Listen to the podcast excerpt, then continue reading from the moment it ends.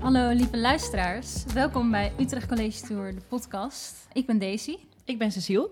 en bij ons zit Thorn, acteur, activist, drag king en podcastmaker. Dat Welkom, is een mooie, mooie introductie. Dankjewel. Superleuk dat je er bent. We beginnen onze interviews altijd met een aantal duivelse dilemma's. Oké, Eh, er is maar één regel, je moet kiezen. alright. Ja, ben je er klaar voor? Gooi het op me. Ja. Nooit meer een acteerklus of nooit meer een optreden als drag king? Oh, lastig. Ehm, hè? nou ja, ik leef nu soort van in, in nooit meer een optreden als dragking natuurlijk. Ja. Door, door corona heb ik dat echt al super lang niet gedaan. Behalve in acteurklussen. Dus ik denk dat ik dan dat zou kiezen.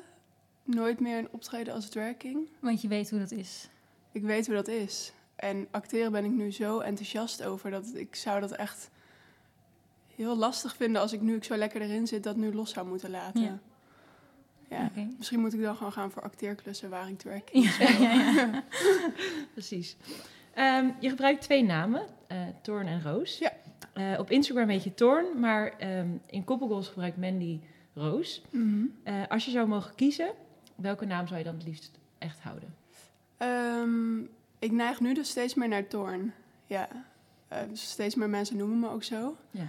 En eh, kijk, het voordeel van Toorn is heel veel mensen kennen een roos eh, Ja. die zich als vrouw identificeert. Ja. Dus dan gaan mensen ook sneller met zij haar voornaamwoorden tegen je praten. Omdat ze een zus hebben die Roos heet of een vriendin. ja. En eh, met Toorn heb ik dat niet. Dus ik denk dat dat dan de naam is die ik, als ik er één moet kiezen, ja. Zou dat hem zijn. En kan je misschien heel kort nog even uitleggen eh, hoe je op Toorn bent gekomen? Nou, eigenlijk is de naam mij eh, gegeven door mijn, eh ja, mijn, mijn housemother. Van, ik zit bij de House of Vineyard. Ja. En Amber Vineyard, zij is een soort moederfiguur voor mij, een soort mentor in het leven.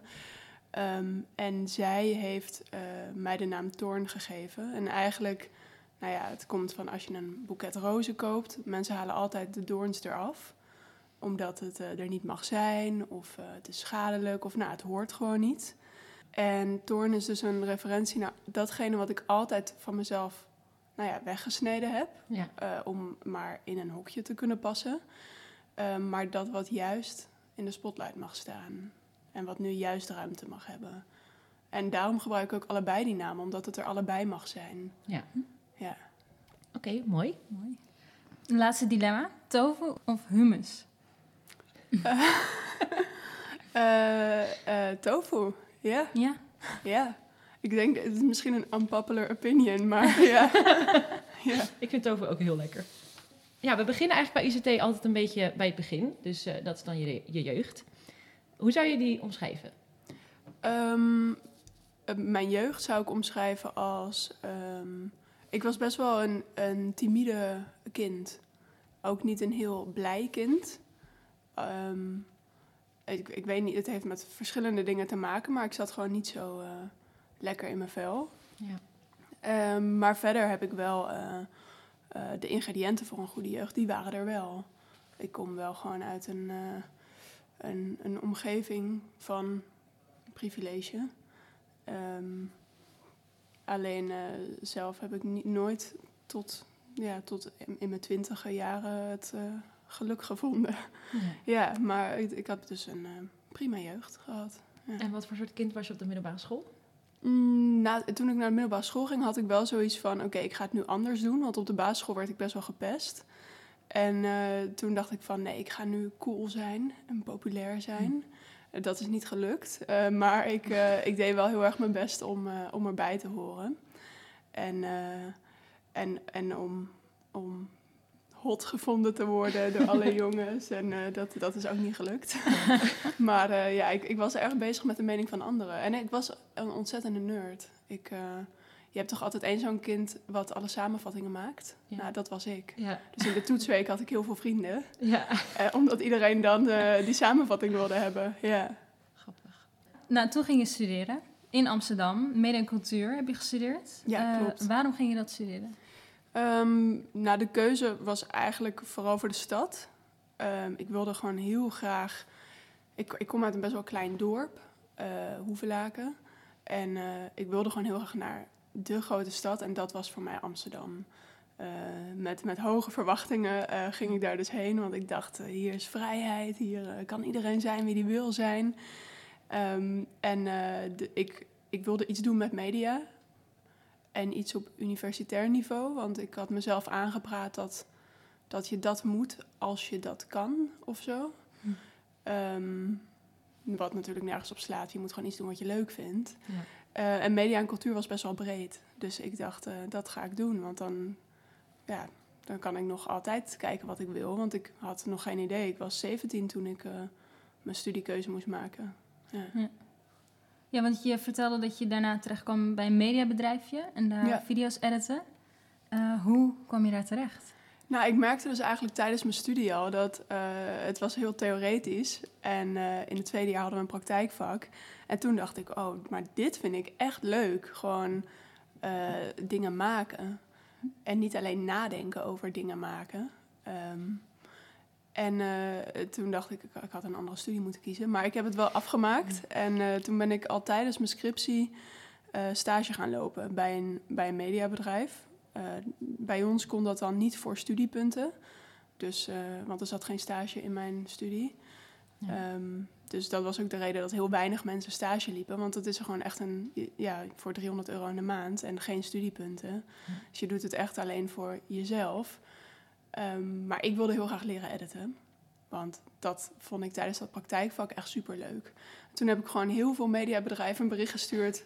Mag ik stage lopen? Ik hoef geen studiepunten. ehm, maar ik, ik wil het wel heel graag. En toen was er één bedrijf, eh Zoom In TV heette dat. Dat heeft nu alweer een andere naam. Een, een mediabedrijf. ehm, dat zei van kom maar. En eh, toen, eh, na een stage van een half jaar, hebben ze me toen een baan aangeboden. En ik heb daar ja, wel 4,5 jaar als editor gewerkt. Ja, Dus, ja. ja. Dat heb je echt daar geleerd. Ja. Ja. Ja, en gewoon in mijn vrije tijd met YouTube en eh, heel veel Mhm. doen vooral. Heel veel vrienden die opeens een video wilden. Want als je dan een skill hebt, dan wil je toch. Dan is het zo van, oh ja, ik heb een bedrijfje, misschien kun je een video maken. Ja. En dan eh, krijg je van mij een gratis t-shirt. En dan doe je dan gewoon of zo, ik weet niet. En eh, op een gegeven moment word je daar helemaal gek van. Maar eh, daar leer je dan wel heel veel van. Ja. Ja. Ja. En ehm, nou ja, je vertelde dat je meer wilde maken. Heb Ja. je het idee, als je terugkijkt, heb je dan zoiets van, had ik maar een andere studie gedaan? Ehm, nou, als ik nu dus, eh, gewoon hoe ik nu ben, als ik nu weer zou studeren, dan zou ik zeker wat anders doen. Dan zou ik naar de toneelschool willen. Ehm, alleen als ik kijk hoe ik toen was, had ik dat helemaal niet aangekund. Ik, ik was best wel onzeker en mijn persoonlijkheid was nog helemaal niet eh, zo gevormd als het nu is. En ik kon heel slecht tegen kritiek. Nou ja, dat is natuurlijk niet een, eh, een goed recept voor de toneelschool. Ehm, dus ik denk dat het, hoe het is gegaan, dat het goed is. Ehm, maar ik heb wel vaak de gedachte, was ik maar naar de toneelschool ge- ge- gegaan? Die gedachte heb ik wel vaak, omdat ik nu in mijn werk heel veel speel met acteurs die dat wel hebben gedaan. En dan kan ik met zoveel verwondering daarnaar kijken. Zo'n bak aan kennis en techniek. En ik, ik zit gewoon op bluff Ja. zeg maar, en op wat ik leer van andere mensen. Ehm, maar dat was toen niks voor mij geweest, denk ik. Nee. Ik was daar gewoon nog niet. Nou ja, dan gaan we gelijk ook even door over je eh, acteercarrière. Eh, want sinds vorig jaar speel je de rol van Leslie in Spangast. Ja, klopt. En hoe vond je het dan eigenlijk om die switch te maken van achter de camera naar voor de camera? Ja, en natuurlijk wel heel spannend, want eh, oké, ja, je, je weet wel iets van hoe het werkt en zo. Alleen, ik, ik voelde mezelf echt geen acteur. Ik had het idee dat ik met allemaal mensen die act- acteur waren, werkte. En dat ik er een soort van moest doen alsof ik dat ook was. Ja. eh, en niet ontmaskerd moest worden. En ik, ik was wel echt, ik dacht van, oh, ben ik, ik hoop dat ik goed genoeg ben. Maar iets in mij dacht ook, ja, eh, ik, ze hebben die rol aan mij gegeven, dus het zal wel goed zijn. En eh, ik vul Leslie in, in hoe ik het doe, dus, dus eigenlijk kan het ook niet echt fout zijn. Ja. Ehm, en gaandeweg vond ik gewoon heel veel plezier erin. Ehm, en het is ook wel heel leuk om, om te acteren als je wel iets weet van het hele maakproces erachter. Want ik heb ook camerawerk gedaan en dus editen. Ja. En ik weet ook wel een beetje van geluid en van licht. Dus al die kennis neem je wel mee naar de set. Ja. En dat wordt ook wel opgemerkt. Dat is ook wel, wel grappig. Ja. Ja, ja, dat kan ik me voorstellen. En hoe ben je eigenlijk aan de rol gekomen? Stond er, ja, hoe, hoe kwam je bij de, bij de casting call, zeg maar? Nou, ik was dus op mijn editbaantje, waar ik eigenlijk helemaal klaar mee was. Want Ja. ik zat gewoon 8 à 10 uur per dag achter de computer. Als iedereen eh, met, met 30 graden in de gracht aan het zwemmen was, zat ik daar in dat hok. Ja. En ik het was ook helemaal niet sociaal. En hoe meer drag ik ook deed, hoe meer ik zoiets had van... ik heb iets wat ik... Ik, heb, ik moet iets expressen, weet je wel. Er zit iets in mij en dat moet eruit. En dat, dat werkt helemaal niet hier. Ik kan niet hier blijven zitten eh, in opdracht van iemand anders, iets editen. Dus ik zat daar gewoon al een tijd mee. En toen eh, werd ik getagd op Facebook dat er een, eh, een non-binair persoon werd gezocht voor een non-binaire rol in een serie. En dat acteerervaring niet vereist was. En toen dacht ik, dit is mijn kans. Ik ga het gewoon proberen. ja. Dus stond er dan ook echt in de casting eh, call van alleen voor non-binaire personen? Of? Ja. Ze zochten echt een non-binair iemand om die rol Ja. te spelen. En eh, als dat niet gelukt was, dan hadden ze niet een non-binair personage ervan gemaakt. Ja, vind, en vind je dat zelf ook belangrijk, voordat er dan een rol echt wel wordt vertolkt door iemand die dat zelf ook zo ervaart? Ja, ik vind dat wel belangrijk. Ja, het is Ja. best wel natuurlijk een discussie, in, eh, ook in Hollywood, maar sowieso in film en tv, van mogen eh cis-personen, dus Ja. een cisgender, iemand die zich oké voelt bij het geslacht wat is toegewezen bij de geboorte, eh, mogen die transrollen spelen. Ja. Je, je hebt natuurlijk heel veel goede voorbeelden van cis-acteurs die heel mooi transrollen hebben neergezet. Dus het is niet dat meteen al die films heel slecht zijn. Weet je wel, als in The Danish Girl of Girl. Of, er zijn zoveel voorbeelden. Maar ik vind wel dat eh, het gaat om kansenongelijkheid. Want transacteurs worden nooit voor cis-rollen gevraagd Nee. omdat, en dat is er gewoon echt, ik ken zoveel transacteurs die, die gewoon niet gevraagd worden en niet eens gereageerd worden. En dat er eigenlijk soort van gewoon gezegd wordt van ja, maar jij bent niet man genoeg of jij bent niet vrouw genoeg. En dat is, daar zit die ongelijkheid in. En als er dan een keer een transrol is, dan gaat hij naar een cis-acteur, ja. Ja. Terwijl er lopen zoveel goede transacteurs rond die zitten te springen om werk. Ja. En er is natuurlijk ook iets heel erg empowerings aan het kunnen vertellen van je eigen verhaal. Ja. Dus het is niet zo, voor mij is het niet zo dat er nooit een cis-acteur een transrol mag spelen. Alleen nu is het even tijd voor mensen om hun eigen verhaal te vertellen. Ja. ja, een beetje zoals met vrouwenquota ook, dat je ook denkt, Ja, we moeten ergens beginnen met een... Klopt. eh, ja. Ja. Ehm, we hebben ook gevraagd of er wat eh, luisteraars eh, vragen voor je hadden. nou, ik ben Eh, benieuwd. en een van, een van de vragen die komt even tussendoor, omdat hij zo erg aansloot op, op dit onderwerp. Ehm, want een van de luisteraars die gaf aan enorm benieuwd te zijn naar hoe je het hebt ervaren om als eerste non-binaire personage in de Nederlandse televisieproductie te spelen. Mhm. En hoe het dan is om die weg echt vrij te maken. Ja, nou dat is natuurlijk best een bizarre gedachte dat ik dat ben. Ja, Ehm, maar op een of andere manier is het wel een soort van thema in de afgelopen vijf jaar of zo bij mij. Want ja, ik was ook bijvoorbeeld de eerste, eh, een van de eerste mainstream drag kings en zo. Dus ik weet niet, er is iets met dat de laatste tijd dat ik heel vaak dingen als eerst doe. Maar eh, dat, dat is ook wel leuk. Ja. Ehm, ja, hoe dat is, het is een, een enorme eer. Het is ook een hele grote verantwoordelijkheid. Het is soms wel beangstigend. Ehm, en waarom? Omdat er nu dus eigenlijk mainstream maar één gezicht is van hoe non-binaire mensen eruit zien. En ik wil niet dat dat mijn gezicht is eigenlijk. nee. Eh, ik ben non-binair, maar ik ben wel. Ik weet ook dat mijn uiterlijk wel stereotype non-binair is. Wit, dun, masculien, beetje boyish. ja. En ik vind dat wel soms lastig. Dat ik denk, oh, ik zou zo graag willen dat er heel veel verschillende soorten non-binaire mensen gerepresenteerd worden. Dan, dan, eh, dan is er ook veel meer. Dat is dan een weerspiegeling van hoe het echt is. Want Ja. niet alle non-binaire mensen zien eruit zoals ik. nee. Ehm, maar ik denk wel dat het goed is dat, dat je moet ergens beginnen. En, ehm, en ik heb ook heel veel klappen gevangen. En ik ben ook wel blij dat andere mensen dat niet hoeven te doen. Ja. Ja. En heb je het idee dat, dat, dat er wel meer zo'n diverser beeld aan het komen is? Of dat die weg echt vrij wordt gemaakt? Mm, ja, ik heb, ik heb wel het gevoel dat ehm, mensen er steeds meer mee bezig zijn. Alleen eh, voor heel veel voor heel, in heel veel verschillende disciplines. Dus het hele non-binair, dat hele verhaal is, is een soort van heel nieuw en onbekend voor mensen blijkbaar. Wat het helemaal niet is, want in de tijd van de Grieken en de Romeinen waren mensen ook al non-binair. Alleen opeens, opeens springt iedereen erop. En ze denken dan van, oh, maar, maar als, als we iets met Torn doen, dan is het goed. Want dan hebben we non-binair zijn gerepresenteerd. Maar dat is natuurlijk niet eh, het enige.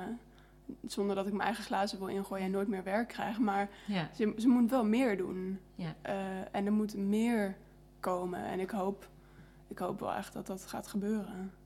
ja. Ehm, maar ja, het is wel super vet natuurlijk om als je opeens realiseert dat er jonge kinderen zijn die naar je opkijken en zo. En dit is wel wat ik gemist heb als kind. ja. Dus dat ik dat zelf kan invullen, dat is ja, echt heel, heel tof. Ja, nou, het sluit wel een beetje. Ik zie een vraag staan die een beetje hierop aansluit. Had je eh, vroeger zelf eigenlijk een, een rolmodel? Ehm, ja, niet enorm. Alleen, ik zat dus laatst over, oh, hierover na te denken. Ehm, dat ik denk dat de... Ik had dus niet een non-binair rolmodel, maar de mensen die ik tof vond... zijn in de retro perspectief, zeg je dat zo? Ja. Zijn, zijn wel eh, bijvoorbeeld Bowie of Prince... zijn wel de mensen die eh, een beetje met gender fokken. Ja. En nu snap ik waarom ik dat zo tof vond. En Ja. toen niet. Toen dacht ik dat het de muziek was. Eh, die ook heel goed is. Alleen, ehm, dat waren wel, wel mijn rolmodellen, ja. En even terug op eh, gewoon het, het, het werk als acteur. Eh, hoe ziet een week eruit als je bij Spangas aan het draaien bent? Nou, bij Spangas is, is eh, best wel zwaar, moet ik zeggen. Mensen denken altijd, oh, leuk kinderserietje. Maar iedereen in de industrie weet ook wel dat het heftig is. Je draait vijf dagen in de week. Dus van maandag tot vrijdag. En we draaien in de buurt van Leiden. Dus je hebt ook reistijd erbij. En je call is vaak tussen 7 en 8. En je bent ook vaak thuis tussen 7 en 8. Dus je bent wel echt... eh, en dan moet je ook nog je teksten leren voor de volgende dag. Dus het is wel eh, echt een fulltime baan. Ehm, nu leer ik mijn teksten altijd in de trein. Zodat als ik thuis kom, dat ik thuis ben. Ja. En gewoon kan chillen, want dat is ook belangrijk. Maar het is wel echt super leuk. En eh, soms heb je 13 scènes op een dag en soms maar twee. Met een beetje pech is dat de eerste en de laatste. En dan Ja. zit je daar de hele dag. Maar soms mag je ook, eh, ben je om drie uur klaar. Ja, het is wel heel gevarieerd en, eh, en, eh, en heel leuk ook op de set. Want je hebt natuurlijk best wel veel hoofdpersonages. Gewoon die, die vaste groep. Ja. Ehm, dus dat is ook wel een, hecht, eh, een hechte vriendengroep erbuiten. Dus dat is heel, heel gezellig. Ja. Ja. ja, dat kan ik me goed voorstellen. En in hoeverre lijkt Leslie op jou toen je op de middelbare school zat? Nou, eigenlijk totaal niet. Want eh, mensen denken dat altijd. Omdat ik heb wel een beetje Leslie in me. Soms nu, hoe ik nu ben. Alleen op de middelbare school was ik dus heel verlegen en timide. En ontzettend bezig om eh, vrouw te proberen te zijn. En eh, Leslie is voor diens leeftijd super comfortabel in, in genderidentiteit. En daarnaast ook gewoon heel brutaal en grappig. En ik, ik snap wel dat Leslie best wel intimiderend kan zijn. eh, Maar ook wel iemand waar je tegenop kan kijken. En eh, dat, dat was ik vroeger, was ik echt meer een grijze muis. Dus misschien had ik wat meer als Leslie willen zijn. Ja. Ja. En wat, wat vond je er dan van dat, dat Leslie zoveel verder is in die, in die fase? Nou, ik vond het ook wel leuk, want... ehm, of na- natuurlijk denk je, kan je soms daarvan denken, oh, had, was ik dat maar. Maar om te spelen is dat wel heel leuk, omdat ik ben 25 en ik speel Ja. iemand van 16, 17. Ja. Ehm, maar doordat het best wel een volwassen persoon is, eh, voelt het niet alsof ik het heel kinderlijk hoef te spelen of zo. Nee. Dus ik speel eigenlijk gewoon hoe, ja, hoe iemand van mijn leeftijd dat zou doen. Ja. Omdat ik vind dat Leslie een stuk verder is. Dus dat is wel chill. Maar ja, ik heb natuurlijk, ik, heb, ik geef ook voorlichting op scholen. En soms kom je dan in zo'n klas waarbij gewoon acht mensen non-binair zijn en drie, en drie zijn aseksueel en twaalf zijn panseksueel. En dan denk je echt, wow, dit is echt de toekomst. Wat, wat heerlijk, al deze queerness in deze klas. En, eh, en daar kan ik ook wel lichtelijk jaloers op zijn. Dat ik denk, nou, had ik maar in deze klas gezeten. Ja. En dat heb ik ook heel soms bij Leslie. Dat ik denk, oh, wat was het, wat was het, wat... Ja, ik weet, dan zou ik gewoon benieuwd zijn waar ik dan nu zou zijn. Als Ja. ik toen al zo dat, ver was. Ja, maar aan de andere kant, sommige mensen zijn pas 50 als ze erachter komen. Ja, Dus het is beter laat dan nooit. Ja. precies. En je kreeg veel reacties op je rol. Ehm, eh, wat vond je van die reacties? Ehm, nou, het was wel overweldigend, moet ik eerlijk zeggen. Want eh, ehm, toen die eh, eerste aflevering was geweest, was er ook wel echt een shitstorm aan negativiteit. En ik ben best wel wat gewend, want ik heb dat vaker gehad. Ja. Alleen niet in deze mate. Het was namelijk, er was een video voor het Jeugdjournaal gemaakt. En die was gedeeld op de NOS Stories. En ik denk dat daar binnen een uur gewoon 10.000 haatcomments onder stonden. En er waren ook eh, bekende YouTubers of radio-dj's die het hadden gedeeld. En gewoon echt onaardige dingen hadden gezegd. Waardoor het heel groot werd. Ja. En, eh, en er waren dan weer andere bekende mensen die het voor mij op hadden genomen. Maar daardoor werd het echt enorm. Ehm, tot, mm, ja, tot echt bedreigingen en, en doodswensen. En eh, ja, ik weet waar je woont. Ik wacht je op op Centraal Station. Weet je wel, dat soort dingen. En aan de ene kant doet het je... Ja, kan je tegen jezelf zeggen, het doet me niks. Maar aan de andere kant, als jij dan ochtends in de trein zit... en dan loopt er iemand binnen, dan denk je wel... zou dat iemand zijn die Ja. die mij eh, niet op deze planeet wil hebben, ja, dan word je, kan je wel angstig worden. En ik heb sowieso een aanleg om over dingen angstig te worden. Eh, wat helemaal oké is, maar eh, dat was wel heftig. En twee weken lang was dat. Ja. En toen was het klaar. Dus dat is dan ook wel het, het fijne ervan.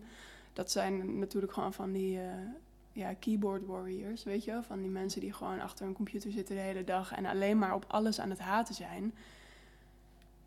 Ja, dan eh, een week later eh, doet iemand anders, spreekt zich uit over een activistisch onderwerp en dan zitten ze daar weer op. Ja. Ja, en daarnaast was er ook heel veel positieve reacties. Dus daar moet je dan gewoon op focussen. En dat is echt heel cool. Er waren kinderen van een jaar of 10, 11 die dan een stukje uit Spangas gingen laten zien in de klas om uit de kast te komen of zo. Weet je wel, zo schattig. Ja, dan, Ja. dan wordt je hart wel warm natuurlijk. En dan maakt het echt niet uit dat een of andere sukkel zegt... eh, "Oh, ik identificeer me als een koelkast. Weet je wel, ja, dan, dan dat, dat doet je echt niks. Ja. Nee, ja, je moet gewoon op daarop focussen. Dan inderdaad, daar Ja. doe je het voor. Ja, dan is het misschien tijd voor een vraag van een van de luisteraars. Eh, die gaat over de podcast die je maakt, Koppelgos, samen met je vriendin Mandy. Ehm, waarom vonden jullie het belangrijk om deze podcast te maken? Nou, eigenlijk eh, kwam Mandy met het idee. Ze was midden in de nacht, werd ze opeens wakker. Gewoon heel dramatisch, weet je wel. Zo recht overeind. En zei ze, pak nu je telefoon. Je moet nu noteren, want ik heb echt een goed idee. Ehm, we kregen namelijk in het begin eh, in onze relatie heel veel vragen. Over, nou, gewoon een beetje van die ongepaste vragen, weet je wel. Van, eh, nou, wat heb je in je broek? Hoe heb je seks? Eh, eh, wil, ik dacht dat je kinderen wilde. Gewoon dat je denkt, denk even na. Ja. Ik was dat gewend, maar Mandy niet. Dus dat bracht voor mij ook weer nieuw licht op de zaak. Dat ik dacht, oh ja, dit zijn eigenlijk dingen waar ik aan gewend ben, maar dit is eigenlijk niet normaal. Al deze objectiverende vragen. En ehm, doordat we zoveel vragen kregen, dachten we van, ja, hoe tof zou het zijn om gewoon een podcast te maken over stellen die buiten de norm vallen op een manier. Maar door niet daarop te focussen, maar door het gewoon te zien als een relatie. En juist te vragen naar de dingen die, die, die je eigenlijk zou moeten vragen. Van hoe hebben jullie elkaar ontmoet? Wat vinden jullie zo leuk aan elkaar? En toevallig hebben ze dan 28 jaar leeftijdsverschil. Of wonen ze in andere delen van de wereld. Of zijn het twee transpersonen. Weet je wel, dat allerlei dingen waardoor een relatie afwijkend zou kunnen zijn. Maar ja, de moraal is dan dat niks afwijkend is. En dat het altijd gewoon, ja, liefde is gewoon liefde, zeg maar. Hm. Dat is, ja. Mooi. Ja. En hoe is het dan om eh, samen te werken met je partner? Ja, ik vind het wel leuk hoor. Want eh, Mandy is sowieso wel, zij is wel echt zo'n businesswoman. en ik eh, ben iets minder zakelijk ingesteld. Maar dus ik leer daar ook wel van. En eh, we zijn eigenlijk best wel goed op elkaar ingespeeld. Sowieso, als we de podcast maken, dan gaat het altijd heel makkelijk. Want je kent elkaar gewoon heel goed. En het is ook, ja, we zijn allebei best wel druk. En het is ook leuk om iets samen te hebben wat je ja, vast samen doet. Ja. Hey, je vertelde aan het begin al even dat je nu iets minder actief bent als drag king. Maar ja. normaal gesproken ben je wel actief in de ballroomcultuur. We weten hier zelf niet heel veel van af. Kan je misschien wat meer erover vertellen? Ja, zeker. Ja, ik ben dus... Eigenlijk kan je ook drag en ballroom uh, is deels samen, maar kan je ook wel los zien soms. Want ik in de ballroomcultuur uh, ben ik niet uh, als drag king. Oké. Dus daar... dus wat wil je eerst weten? Nou, drag of ballroom? laten we het over ballroom hebben. Oké. nou, de ballroomcultuur is eigenlijk een, een, een, subcultuur. Ontstaan in de jaren zeventig in Harlem, New York. Um, ontstaan uit noodzaak. Um, want als je in die tijd uh, zwart was en je was gay of je was trans, dan had je een soort van double negative.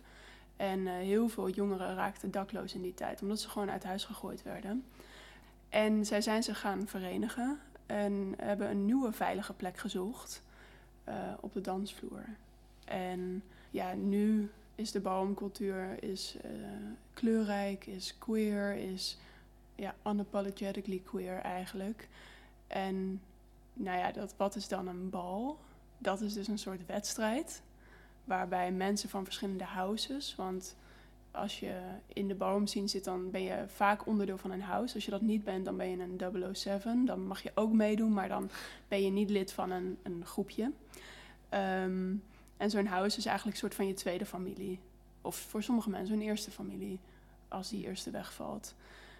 Um, en het competitieve element is belangrijk, maar zeker niet het belangrijkste. Het gaat om community beelden, het gaat om een plek creëren waarbij datgene waar de samenleving je voor uitkotst, juist gevierd wordt. En uh, ja, ik vind dat ook zo, zo heerlijk. De, de, de transpersonen, de mensen van kleur, die zijn echt de, ja, die zijn de sterren van, van de bodem zien. En dat is ja, dat is heel tof. Hoe kwam je daarmee in aanraking? Nou, uh, Amber Vineyard, mijn huismother, die heb ik uh, toen, ja, hoeveel jaar geleden zal het zijn? Vier of zo. Jaar geleden voor het eerst uh, gezien ergens in, in Paradiso. En ik kwam toen zelf uit best een, nou ja, een beetje een, of niet een beetje, ik ben drie jaar depressief geweest. Van mijn 18e tot mijn 21ste, daar kwam ik eigenlijk net uit. En ik was voor het eerst weer in een club. En ik zag haar en ik dacht echt: wow, wie is deze vrouw? En hoe kan ik een beetje van haar confidence krijgen? Want zij was echt gewoon aan het stralen. En toen heb ik dat gegoogeld, want ik durfde natuurlijk niet naar de toe. En uh, toen, toen zag ik dus Amber Vineyard, House of Vineyard. En ze gaven ook lessen in voging. Dat is een van de categorieën tijdens zo'n wedstrijd, zo'n bal is een dansstijl. En uh, toen ben ik naar die lessen gegaan. En Amber heeft eigenlijk vrij snel mij onder haar hoede genomen. En zij zag wel dat er iets in mij zat. Of ja, ik denk dat het al vijf jaar geleden is dat ik haar ontmoette. Hm. Ja, zij zag... Want ik was toen nog... Uh, identificeerde ik me als vrouw. Dus ik was nog best wel closeted. En ik had nog niet mezelf uitgevonden. Totaal niet. En zij zag het eerder dan ik zelf. Ja. En... Uh, en toen heeft ze me dus uh, lid gemaakt van haar house. Uh, dus ik heb een hele groep van brothers en sisters en siblings. En samen gaan we daar naar bals om prijzen te winnen, maar ook hm. gewoon om samen te zijn. En, ja, en die queer community gewoon echt te voelen. Ja. ja. Even terug naar die voginglessen. Ja, is dat voor iedereen? Of moet je daar dan echt bijvoorbeeld queer voor zijn? Hoe zien zij dat? Um, nou, Amber zag zelf altijd van, uh, zij gelooft in een OTA-samenleving, een open to all. Hm. En dat komt uh, uit, uit de boomzin ook. Je hebt allerlei categorieën, bijvoorbeeld de runway. Dan moet je eh, als een model over de catwalk lopen. En uh, zo'n categorie is vaak opgesplitst, bijvoorbeeld in male figure en female figure. Maar soms is de categorie ook OTA. Dus dan is gewoon alles door elkaar, open to all. Dus die term, uh, ja, die, die passen we ook een beetje toe op ons leven. Van het is voor iedereen. Maar het is wel vooral voor queer mensen en vooral voor mensen van kleur. Dus ook, nou, ik ben wit. Dus ik moet als wit persoon in de ballroom zien wel mijn plek kennen. En daar ben je je altijd bewust van. Um, wat betekent dat ik vind sowieso dat iedereen die naar een bal gaat, die moet, die moet niet komen voor een leuk feestje. Weet je, je moet wel er iets vanaf weten waar het is ontstaan. Uh, wat het, de de protestgedachte daarachter is. Mhm. Eh, je kan niet één keer pose hebben gekeken en gedacht, oh leuk, weet je. Er wordt ook Ja. best wel veel ehm, eh, gepakt van de boom zien, weet je. Dan, dan zie je in RuPaul Drag Race zie je ze een soort van heel lelijk vogen, maar dat noemen wij dan vegen, omdat het gewoon nergens op lijkt. En, en dan doen ze wat zij dan noemen een death drop, maar het heet eigenlijk een dip. En dan gaan mijn haren gewoon recht overeind staan. Dan denk ik, ja, dat is gewoon appropriation. Ja. Je pakt het gewoon. Je hebt geen idee waar het vandaan komt. Ja, i- het is voor iedereen. Ehm, maar als ik tijdens een bal een battle loop tegen iemand van kleur en ik verlies, dan denk ik ook wel, ja, dus dat vind ik dan niet gek. Nee. Wordt het meer een algemeen genre, denk je? Nou, ik je merkt nu wel dat eh, het is, het, er is zoveel expressie en vrijheid. En dat is wel iets wat iedereen heel graag wil. En ik snap ook dat het eh, eh, steeds meer mainstream wordt, want het is gewoon heel erg vet. Ehm, maar je ziet vanuit de boom-community wel dat er erg protective is. Dat, dat we heel protective zijn over ja, onze safe space. Want die, die plek is ontstaan omdat we in de buitenwereld niet kunnen zijn wie we willen zijn. En als de hele buitenwereld dan bij ons naar binnen komt. En soms zie je ook dat het dan echt fout gaat. Je hebt bijvoorbeeld mijn categorie is sex siren. Dat, ja, dat is een categorie waarbij je eigenlijk de jury moet verleiden. Ehm, met ook als achterliggende gedachte dat iedereen sexy is op zijn, haar of diens eigen manier. En, ehm, en dat het gaat om een gevoel. En dat is eh, vaak met heel weinig kleding en heel veel olie en eh, e- één grote geile bedoeling. Alleen we hebben wel een regel dat je niet mag filmen en geen foto's mag maken. En dan is er altijd één witte hetero op de achterste rij die je gaat filmen. En dan denk je, ja, nee, naar buiten, weet je wel. Dit is gewoon Ja. niet jouw plek. Ja. Dus daar, daar komt dat eh, verdedigende, dat protectiveness, dat komt daar ook vandaan. Dat het, ja, toch dat je het vaak ziet dat ze het ook niet echt begrijpen. Ja. En wat betekent drag voor jou? Want dat is niet per se hetzelfde als Nou, boom. de boomcultuur is dus wel helemaal back in the days ontstaan uit drag. Want eh, je had dan vroeger dragballs, dus een soort van eh, misverkiezingen voor drags, Oh. voor drag queens. En vroeger was het dan zo dat eh, ja, eigenlijk alleen, alleen maar witte queens konden winnen. Dus er zijn zelfs verhalen dat je alleen kon winnen als je gezicht wit verfde, als je zelf van kleur was. En toen hadden die Black Queens daar gewoon genoeg van. En die hebben gezegd, ja, fuck dit. Ik ga mijn eigen scene oprichten. En dat was het eerste bal. En daar is het dus begonnen. Ehm, alleen, dus er zijn ook zeker drags in ballroom. Alleen ik doe zelf, eh, ja, ik doe zelf geen drag in de ballroom scene, maar wel heel veel daarbuiten. Dus op festivals, op feesten. Eh, ik had ook mijn eigen feest in Club Nix. En voor mij is drag echt begonnen als een manier om mijn masculiniteit te ontdekken. En een, een soort speeltuin. En is steeds meer iets geworden wat ik ook in mijn eigen leven meeneem. En, en een protest. Voor mij is drag echt een protest tegen de gevestigde gendernormen. Want ik merk gewoon dat als ik het podium oploop, dan zijn mensen helemaal in de war. Maar dan vinden ze dat super leuk. Dan zeggen ze van, oh my god, echt zo leuk. Ik, ik dacht eerst dat je een man was en toen zag ik geen bobbel in je broek. En toen dacht ik, ah, wat is dit nou? Waar kijk ik naar? Dan vinden ze dat helemaal leuk. Terwijl als ik in de supermarkt loop, dan is het van, oh, ik snap het niet. Ben je nou man of een vrouw? Ik snap het niet. En dan vinden ze het opeens niet leuk. En dan denk ik, ja, het is dus wel leuk of wel goed als het een performance is, als het voor jou entertainment is, maar het is niet goed als het in het dagelijks leven is. Ja, wa- waarom is dat? Dus voor mij is het echt een protest om hopelijk dat open te breken. Dat ze iets vrijer gaan denken over dat er gewoon heel veel meer zit tussen man en vrouw. Ehm, heb je een, bepaald, een bepaalde performance als dragking die je het meest is bijgebleven? Ehm, ja, de- eh, even denken hoor. Ik heb wel best wel veel. Maar ik denk dat mijn, mijn leukste performance, wa- waar ik zelf het meest van genoten heb, was Ben je nou benieuwd naar het antwoord op deze vraag? Luister dan vooral deel 2 van ons interview met Thorn. Dan hebben we het ook over genderneutrale voornaamwoorden, dienst Stop Surgery en de toekomst.